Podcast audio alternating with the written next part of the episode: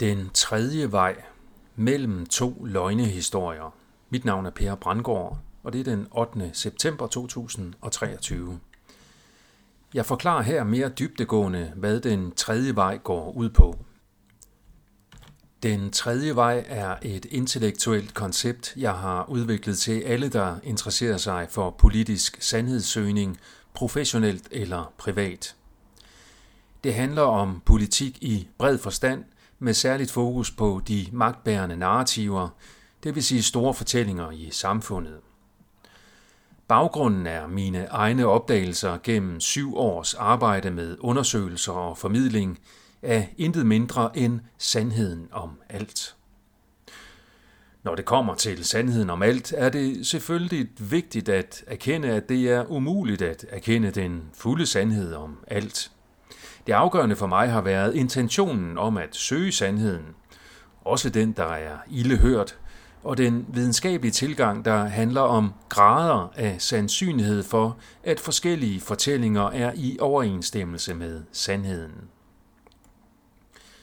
Min egen interesse startede med 9-11, og siden 2020 har corona været mit primære fokus. Derudover har jeg siden udgivelsen af min debutbog Spis som du vil i 2000 været opmærksom på de politiske, det vil sige magtmæssige, aspekter i sundhed, medier, kommunikation og ekspertrollen. Den tredje vej er for dig, der har forstået, at narrativer har stor magt, og at de ofte er baseret på bedrag. Det kan have fået dig til at tvivle på mangt og meget – det kan også have fået dig til at opsøge andre medier og fællesskaber, der dyrker alternative forklaringer og konspirationsteorier. Måske deltager du i demonstrationer for at protestere over systemet. Måske prøver du at holde tvivlen hemmelig for dine kollegaer og venner af frygt for at blive udstødt. Den første vej er hovedstrømmen. Det er de fortællinger, der bliver præsenteret for dig i hovedstrømspressen, såsom DR, TV2 og Ekstrabladet. Det er dem, der er godkendte af faktatjek-medier som Tjek Det. De bliver fortalt og understøttet af de eksperter, der får taletid i hovedstrømsmedierne. Myndighederne og det politiske system i snæver forstand er også en del af hovedstrømmen. Det er selvfølgelig ikke alt i hovedstrømmen, der er løgn, men store dele er, og det foregår ved hjælp af propaganda, der kan defineres som organiseret overtalende kommunikation. De mest magtfulde narrativer er globale og bliver konstrueret af globale aktører med stor pengemagt i ryggen.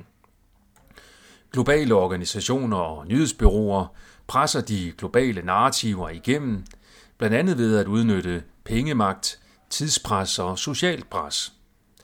De sociale og økonomiske omkostninger for nationale medier, politikere, myndigheder og eksperter, hvis de ikke makker ret, bliver oplevet som alt ødelæggende. Den høje komplians er dermed drevet af frygt. Den anden vej er den alternative strøm, hvor konspirationsteorier spiller en central rolle. Alternative medier og eksperter påstår skråsikkert, at hovedstrømspressen lyver, og at de selv har fundet sandheden, der ofte er en lyssky sammensværgelse drevet af onde mørkemænd. Den tredje vej adskiller sig fra den anden vej ved, at den forholder sig kritisk til både hovedstrømmen og den alternative strøm. Den tredje vej er baseret på den vurdering, at mange konspirationsteorier med videre i den anden vej dybest set er konstrueret af de samme organisationer, der har skabt de magtbærende narrativer i hovedstrømspropagandaen. Mange alternative opfattelser og konspirationsteorier er således planlagte fælder, som folk, der bevæger sig væk fra hovedstrømmen, skal falde i. Der er tale om psykologiske fælder baseret på information. Bagmændenes strategiske mål er formentlig, at så mange individer som muligt skal gøres politisk ufarlige ved enten at få dem til at følge flokken i hovedstrømmen, eller få dem til at tro på mindst én tosset konspirationsteori. Det betyder, at det ikke er alle udbredte konspirationsteorier, der behøver at være tossede. Målet er, at hvert individ forføres til at tro på mindst én tosset teori, hvorefter den tro altid kan bruges til at undergrave personens samlede troværdighed i det politiske magtspil. Sandheden er ufarlig, hvis dem, der kender sandheden, bliver opfattet som tossede eller på anden vis utroværdige. Den tredje vej går ud fra, at alle magtbærende løgnehistorier i hovedstrømmen har modsvarende løgnehistorier i den alternative strøm, og de to løgnehistorier har samme forfattere. Det er måske forskellige afdelinger i den samme tænketank, men kilden er dybest set den samme. Lad mig tage coronasagen som eksempel. Folk i hovedstrømmen undrer sig nu over, at dem, der ikke har taget vaccinen, stadigvæk er i live. Samtidig undrer folk i den alternative strøm sig over, at de fleste af dem, der tog vaccinen, stadigvæk er i live. Løgnehistorien i hovedstrømmen var, at det nye coronavirus er ekstremt farligt, og at coronavaccinen virker ekstremt effektivt.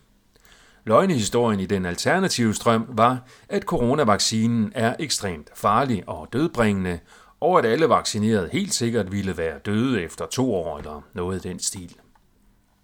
Hverken den ene eller den anden fortælling var baseret på rationel vurdering af konkret evidens.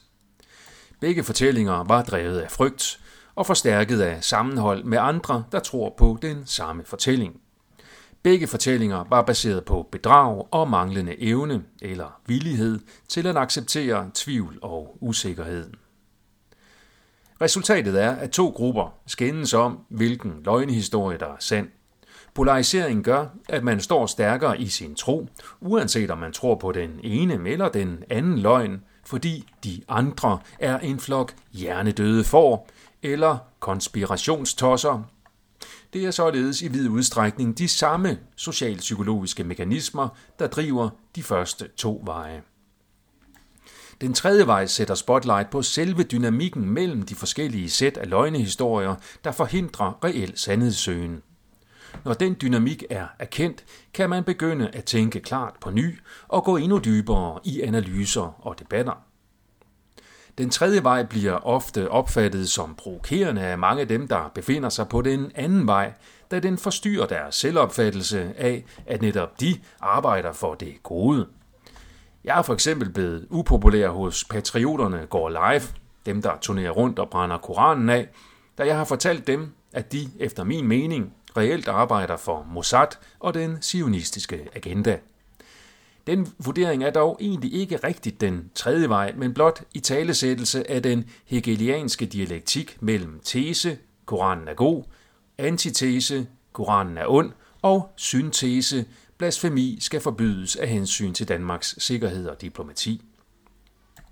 Forskellen på den tredje vej og hegeliansk dialektik er, at den tredje vej er det vigtige, der bliver ignoreret af de to andre veje, mens målet i den hegelianske dialektik er selve syntesen i form af løsningen på konflikten.